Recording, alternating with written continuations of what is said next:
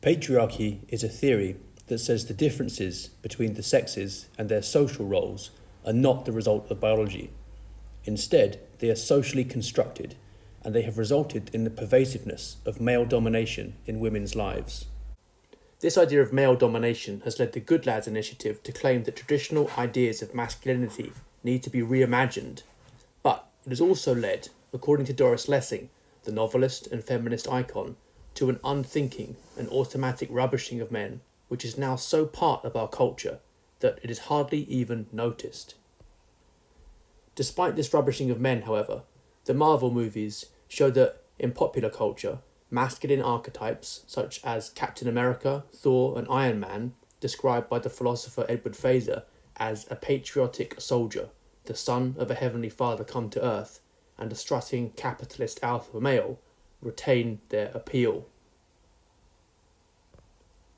People are watching surprisingly traditional masculine archetypes. Nobody wants to watch films about characters like this. And one of the best established findings of modern psychology is that greater gender equality in a society leads to greater gravitation towards traditional gender norms. In the literature on this topic, sex is the biological distinction between male and female, whereas gender is how the difference between male and female is shaped by culture. So, researchers have termed this result the patriarchy paradox. Shaping men and women culturally to be more similar actually exaggerates their differences. It is the opposite of what the social constructivist theory predicted. But it isn't paradoxical if patriarchy is, rather than being merely socially constructed, partly based in biology. Contrary to the claim that patriarchy is about male domination of women, it also at least partly results from women's choices because it benefits them. Much of what follows might bruise the feelings of some people, so here, from the philosopher Stephen Hicks, is a reminder of the elements of the traditional arguments for freedom of speech. Reason is essential for knowing reality. It's a function of the individual. We need the freedom to think, to criticise, and to debate. And this is also of value not just to ourselves, but to other members of our society as well. In a cross cultural study of manhood, David Gilmore, professor of anthropology, concluded that three moral injunctions seem to come repeatedly into focus. One must impregnate women, protect dependents from danger, and provision kith and kin. None of these three roles, procreate, protect, provide, is exclusively masculine, but the protector role is the least shared, making it the core of masculinity. It is the least shared because it is the one most firmly rooted in anatomy and physiology. Even in lion prides, this is very clear. Although lionesses do 90% of the providing, the males are responsible for protecting the pride. They only help kill the largest, most dangerous prey that would otherwise cost the lives of too many lionesses. Accordingly, in all cultures, war has usually been men's work. It is Gilmore's universal protector role. In mythology, this is embodied by Thor, who, because of his physical strength, alone stood between Asgard and destruction. By contrast, women have very rarely fought, and no country has ever obliged women to fight. The advanced weaponry of the modern age hasn't made much difference. When the Russian army went to war in Chechnya in 1994 to 95, its female officers, roughly 14% of the officer corps, simply refused to go. Knowing the outcry that would follow, the army did not force them to. Female Israeli soldiers, despite mandatory military service, do not join frontline combat infantry brigades. The equipment is often heavy, making it hard for women to carry around, and sometimes it goes wrong. Michael Fitzmaurice on the right there served for the US in Vietnam. A grenade hit the tank he was in with his fellow soldiers. He had to get two of them wounded out of the tank, and then another grenade broke his rifle. He killed an enemy soldier with his bare hands, took his rifle, and then managed to escape. War has usually been men's work because men, as a result of natural sex differences that aren't socially constructed, are physically adapted to fighting. Recognizing that gender roles will be less fluid if sex differences are natural, some feminist theorists, such as Judith Butler, have argued that not only gender but sex itself is socially constructed, claiming that intersex people, or people with only an X chromosome or XXY chromosomes, show sex isn't binary or natural. The biologist Emma Hilton, however, has described the idea that sex is a social construct as false at every conceivable scale of resolution. Sex isn't defined by chromosomes. In all species, even those with different or no chromosomes, females produce large gametes, reproductive cells, and males produce small ones. There is no third, intermediate gamete size. Intersex people are not exceptions and the philosopher David Byrne has pointed out that there would have been sexes in plants and animals, even if there were no human societies, and therefore nothing socially constructed at all. Some philosophers pointed out that logically, considerations that support transgenderism would also support, for example, trans speciesism, but we all recognise that there are limits to what we can identify as. Species, for example, aren't social constructs people who identify as lizards aren't actually lizards. Similarly, if you're biologically male but identify as female, Hilton says, you still have small gametes. So, what natural sex differences are relevant to the protector role? The shoulders of boys and girls are equally broad until adolescence. Then, at puberty, the shoulder cartilage cells respond to testosterone, the male sex hormone newly produced by the testes, by growing. Pubertal girls, by contrast, get wider hips when their hip cartilage cells respond to estrogen, the female sex hormone. The sudden acceleration of shoulder width in boys is associated with relative enlargement of the upper arm muscles. The result is that men have far greater upper body muscle mass and strength than women. Men also have 4% faster nerve transmission speed. A major Marine Corps study found that women are at a significant disadvantage in combat compared to men. Even untrained males outperformed trained females the Amazonian warrior women are merely a myth for a reason. And the adaptations are not merely physical, men are more violent by temperament. Richard Wrangham, professor of anthropology at Harvard, observes that the five million year long trail to our modern selves was lined along its full stretch by a male aggression that structured our ancestors' social lives and technology and minds. Some scientists have argued that early humans first stood up to fight, and that fighting shaped the evolution of the hand. But aren't some women strong? And don't some women also fight? Yes, but look at what Tamikka Brents said after her skull was fractured by the transgender MMA fighter Fallon Fox. I am an abnormally strong woman in my own right, but I've never felt the strength I felt in a fight like that night. I don't think it's fair.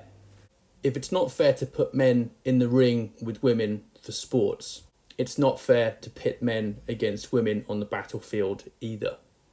War has also usually been men's work because they can afford to treat their lives more cheaply.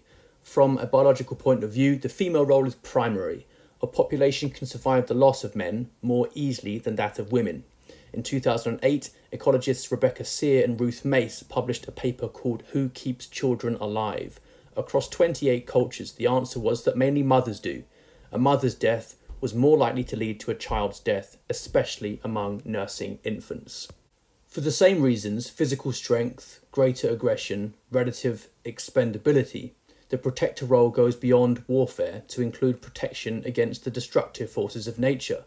In Charlotte Perkins Gilman's 1915 utopian novel Herland, in which all the men are killed by a volcanic eruption and the women discover a miraculous procedure for stimulating virgin birth. Wild beasts are conveniently absent. But a world without men would be awful for women. Mining, oil extraction, heavy and chemical industry, long distance transportation, most forms of construction, many kinds of agriculture, such as forestry and the herding of large domestic animals, would all but cease. So would deep sea fishing. Under such conditions, over 90% of the world's present day population would die of starvation. The women that survive such a calamity would likely revert to a primitive life based on horticulture, dwelling in huts and suffering from a permanent shortage of animal protein. Judging by historical and prehistorical precedent, their life expectancy would be reduced to less than 40 years. Throughout history, women have always been spared the worst work.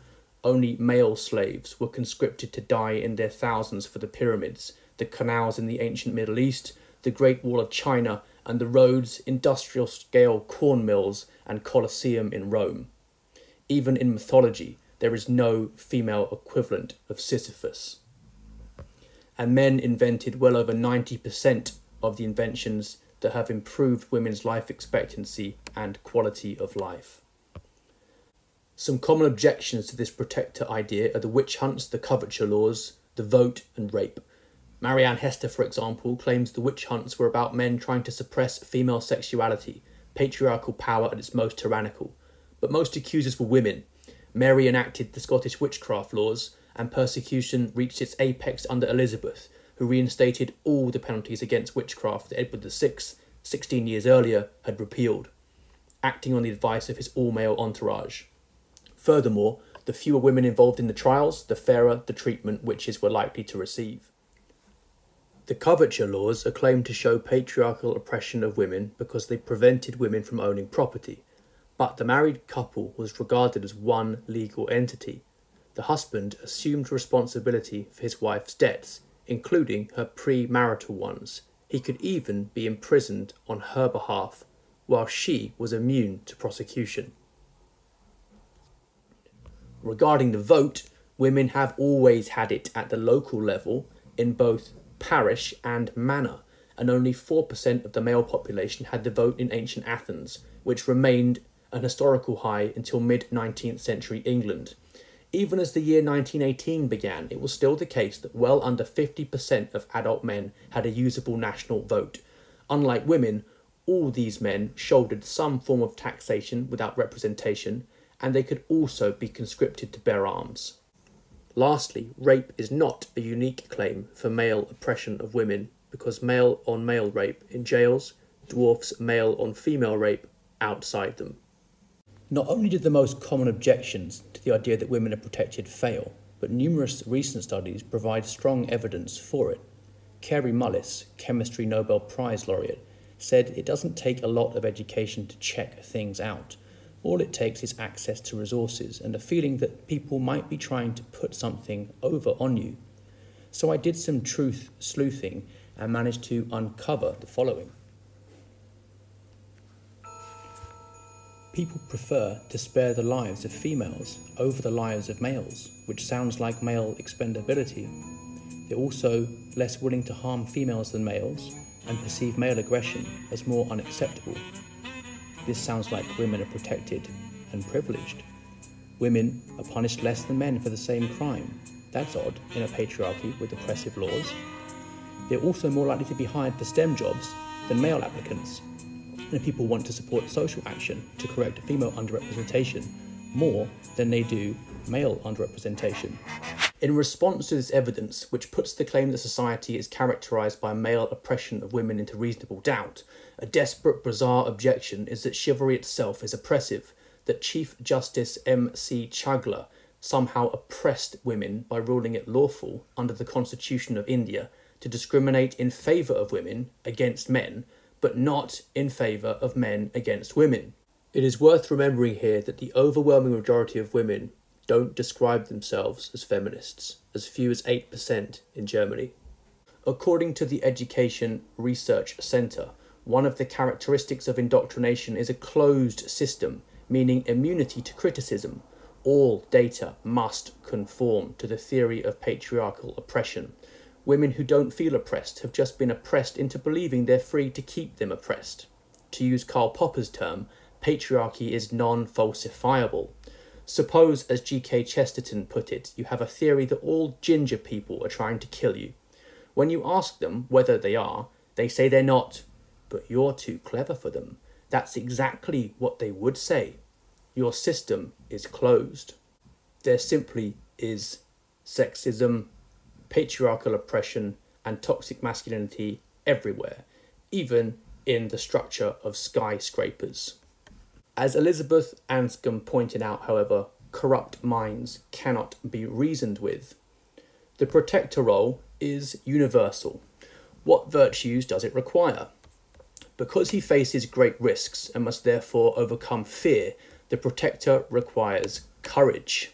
Beginning in infancy and across all different kinds of cultures, men are less prone to fear than women are. Women self report greater fear of crime, public speaking, accidents, darkness, cancer, heights, and high risk mutual funds. Lab studies back this up. Women have a stronger reflex reaction to fearful scenes, they startle more violently, their hearts race faster, and they sweat more. Although less prone to fear than women are, Men are not, however, fearless. The average soldier on the battlefield regresses and acts passively under enemy fire. Commanding officers sometimes have to force men to fight at gunpoint. Phobos, or fear, was the god of the battlefield for the ancient Greeks. Worldwide, the various masculine rites of passage therefore aim at the development of courage, tempering and toughening the initiates. They differ but they all test a boy's ability to handle pain and fear. Feminists such as Eleanor Leacock have said the Kung Bushmen of Botswana represent an ideal of sexual equality, offering them as a model for the West. But even the boys there have to kill an antelope to become men, showing they are providers rather than mere consumers of meat. They are also subjected to a severe form of hazing involving grueling tests of masculine stamina. The boys must man up. Tonight I have taken all that I was and strangled him, that pale lily white lad. I have choked him with these my hands, these claws, catching him as he lay a dreaming in his bed.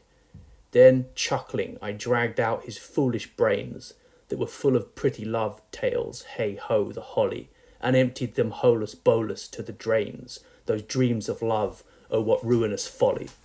He is dead, pale youth, and he shall not rise on the third day or any other day. Sloth like a snakeskin there he lies, and he shall not trouble me again, for I. The Good Lads Initiative claims the phrase man up is meaningless. In procreating, providing, and protecting, however, men can fail in a way that women can't. In procreation, they can fail in a very visual and humiliating way by being impotent. On the island of Truk, women laugh at a man's sexual failure, telling him to take the breast like a baby. In providing, they can fail to kill the animal. Unlike roots and berries, traditionally gathered by women, large and dangerous animals fight back or run away. And in protecting, the urge to succumb to fear is almost overwhelming. The ground at the hot gates was slick with feces and urine. Men wet themselves in the boats on D Day. Childbirth, it is true, demands great courage of women, but you can't lose childbirth by running away. Here we see in Hector's lines before he goes to face Achilles that it's a combination of biology and culture that goes to make up masculinity. I've learned it. It's something that is cultivated. This is his duty given his biological status as a man. His culture has shaped him to live up to the responsibilities that that entails. He has to overcome fear. We see the same idea in this clip from 300 when the soldiers talk about having to earn their shields, live up to the ideal. This is where we hold them! This is where we fight! This is where they die! And these shields, boys! Remember this day, man, for it will be yours for all time.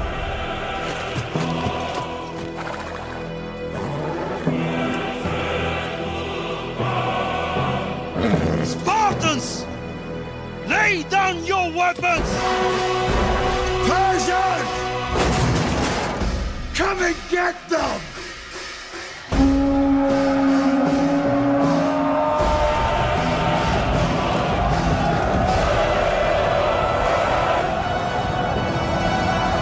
Good Lads Initiative claims that the phrase man up is meaningless. I wonder what King Leonidas would have thought of that idea. Closely related to courage is honour, the concern to protect one's reputation and that of one's family and lineage, pointing to the need to establish and defend boundaries. Only male honour is inseparable from strength and courage. Calling a woman a wimp isn't really an insult. Anne Campbell, in her studies of aggression in female adolescents, found that physical fights were rare, but they usually began with girls calling each other sluts, slags, or whores. Season 3, Episode 6 of Sex in the City is called Are We Sluts? This is because women's honour is tied to ancient standards of sexual propriety.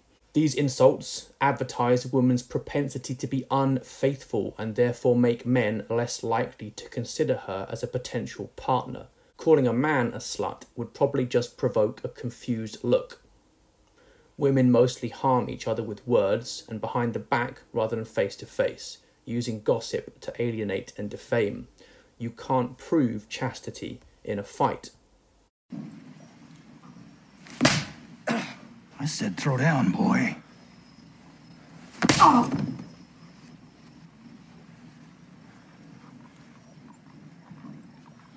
You gonna do something or just stand there and bleed? No? I didn't think so. Apart from fighting, sport and games are a public display of men's fitness to defend boundaries. Boys are around 50 times more likely than girls to engage in games involving direct head to head competition. Adult men are also more interested in competition, broadcasting who is stronger, fitter, and abler to the community at large. Men compete harder and perform better when women are watching. And women often instigate the competition, as among the Mursi of Ethiopia, where they start stick fighting contests among the young men and lavish their attention on the winners.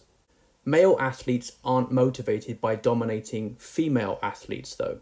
The dominance contests, apparent between males of all species and between females of some species, are within, not across, sexes. Biologically speaking, the idea that men exert power over women is nonsense. Across species, females can exploit their power of sexual choice to get males to compete in ways that do things for them.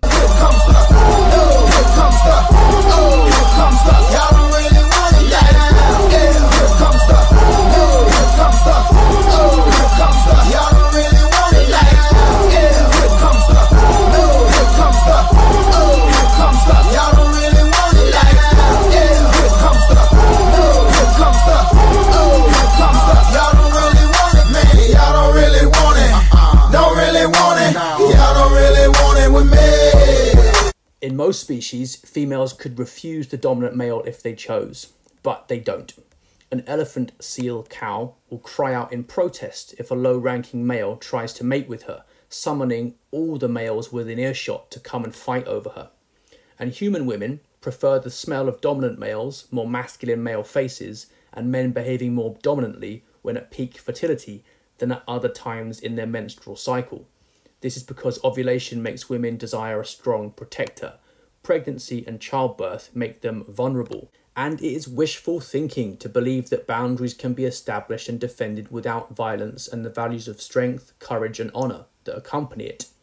George Orwell expressed this hard truth. Those who abjure violence can only do so because others are committing violence on their behalf. You might think that a real man prizes showing vulnerability and talking about his feelings or wearing rainbow laces, but he can't do that if he's dead. In this clip from Goodfellas, this character's girlfriend has just been sexually assaulted by a neighbour, and here he is about to seek revenge on her behalf.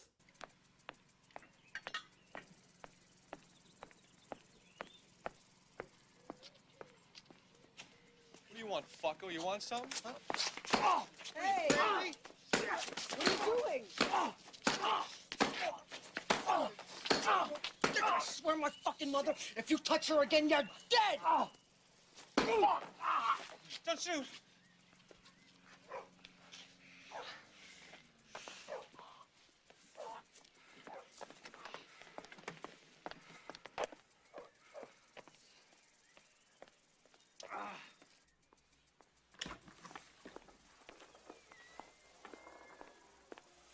Hades.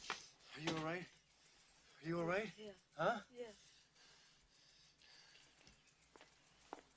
I know there are women like my best friends who would have gotten out of there the minute their boyfriend gave them a gun to hide. But I didn't. I gotta admit the truth, it turned me on. Wasn't that violent? Wouldn't it be lovely if we could get rid of violence? Well, in attempting to vanquish violence and oppression from the earth, Marxists broke all records for mass slaughter, murdering over 100 million people. Male aggression is a biological fact that will be with us whether we like it or not. Some people think that nowadays we don't need violence because we have the law, but in fact, the law itself ultimately depends on the threat of violence. Leave us. No, you stay here. I'm in charge. Do you feel in charge?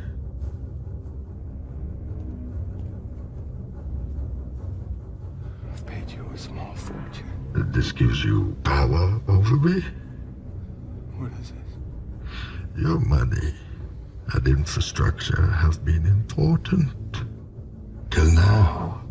When Bane's hand touches his shoulder after he says he's in charge, he realizes that he's not really in charge because he can't back that up.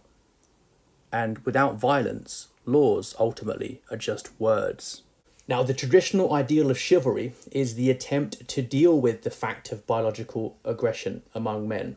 The virtue of chivalry is the virtue of one who has internalized the ethos of the protector courage, prowess in battle, mercy to the vanquished, courtesy towards women, gentleness towards children, and piety towards elders.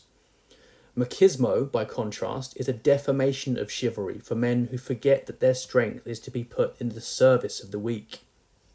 The feminists' horrified reaction to domestic violence acknowledges men's special duties towards women. It is far, far worse for a man to beat up a woman than it is for him to beat up a weaker man. What's interesting here is that the idea of toxic masculinity, to the extent that it's true, isn't new. It was already there in the concept of machismo versus chivalry. So what's true isn't new, and what's new isn't true. Anthropologists have never found a genuine matriarchy. As Wrangham explains, patriarchy is worldwide and history wide, and its origins are detectable in the social lives of chimpanzees. It has its ultimate origins in male violence, but it doesn't come from man alone, and it has its sources in the evolutionary interests of both sexes. This study shows that these naughty women aren't conforming to what the theory of patriarchy demands of them. They still like guys with muscles and money. Remember those three injunctions that Gilmore pointed out were universal procreate, protect, provide. In this Marie Claire article as well, we have a lady who has a husband who's smart and funny and likes to explain why the Sherlock Holmes tales are more colonialist than patriarchal. She also likes the idea of a stay at home husband, but the reality of living it broke her marriage. She says she had neutralized him as a sexual being. I wanted to be overwhelmed by the sheer power of his masculinity in the bedroom, but I wasn't, because I felt like the man in our relationship. As Tony Montana said, first you got to make the money, then when you get the money, you get the power, then when you get the power, then you get the women. Patriarchy will remain worldwide and history wide until women start getting men to compete over being weak, cowardly, impotent, and poor providers. So rather than oppressing them, the fact that women get men to compete over them gives them tremendous power.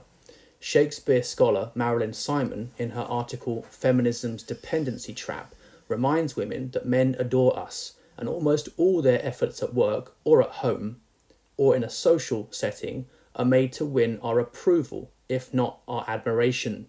James Watson, for example, Nobel laureate and author of The Double Helix, said that almost everything I ever did, even as a scientist, was in the hope of meeting a pretty girl. As James Brown put it, it's a man's world, but it would mean nothing, nothing without a woman or a girl. This is why chivalry is expected. Look at this woman's face after the man she was on a date with suggested that they split the bill. Despite its universality, however, cries of smash the patriarchy continue, even though this ultimately amounts to saying smash human nature and biological reality. And what is the alternative offered anyway? Andrea Dworkin, pictured, has been described in The Guardian as recently as 2019 as the visionary feminist we need in our troubled times. This was her vision. Men and women are fictions, caricatures, cultural constructs. Unambiguous heterosexual behaviour is the worst betrayal of our common humanity. The destruction of the incest taboo is essential to the development of cooperative human community based on the free flow of natural androgynous eroticism. The incest taboo can be destroyed only by destroying the nuclear family as the primary institution of culture.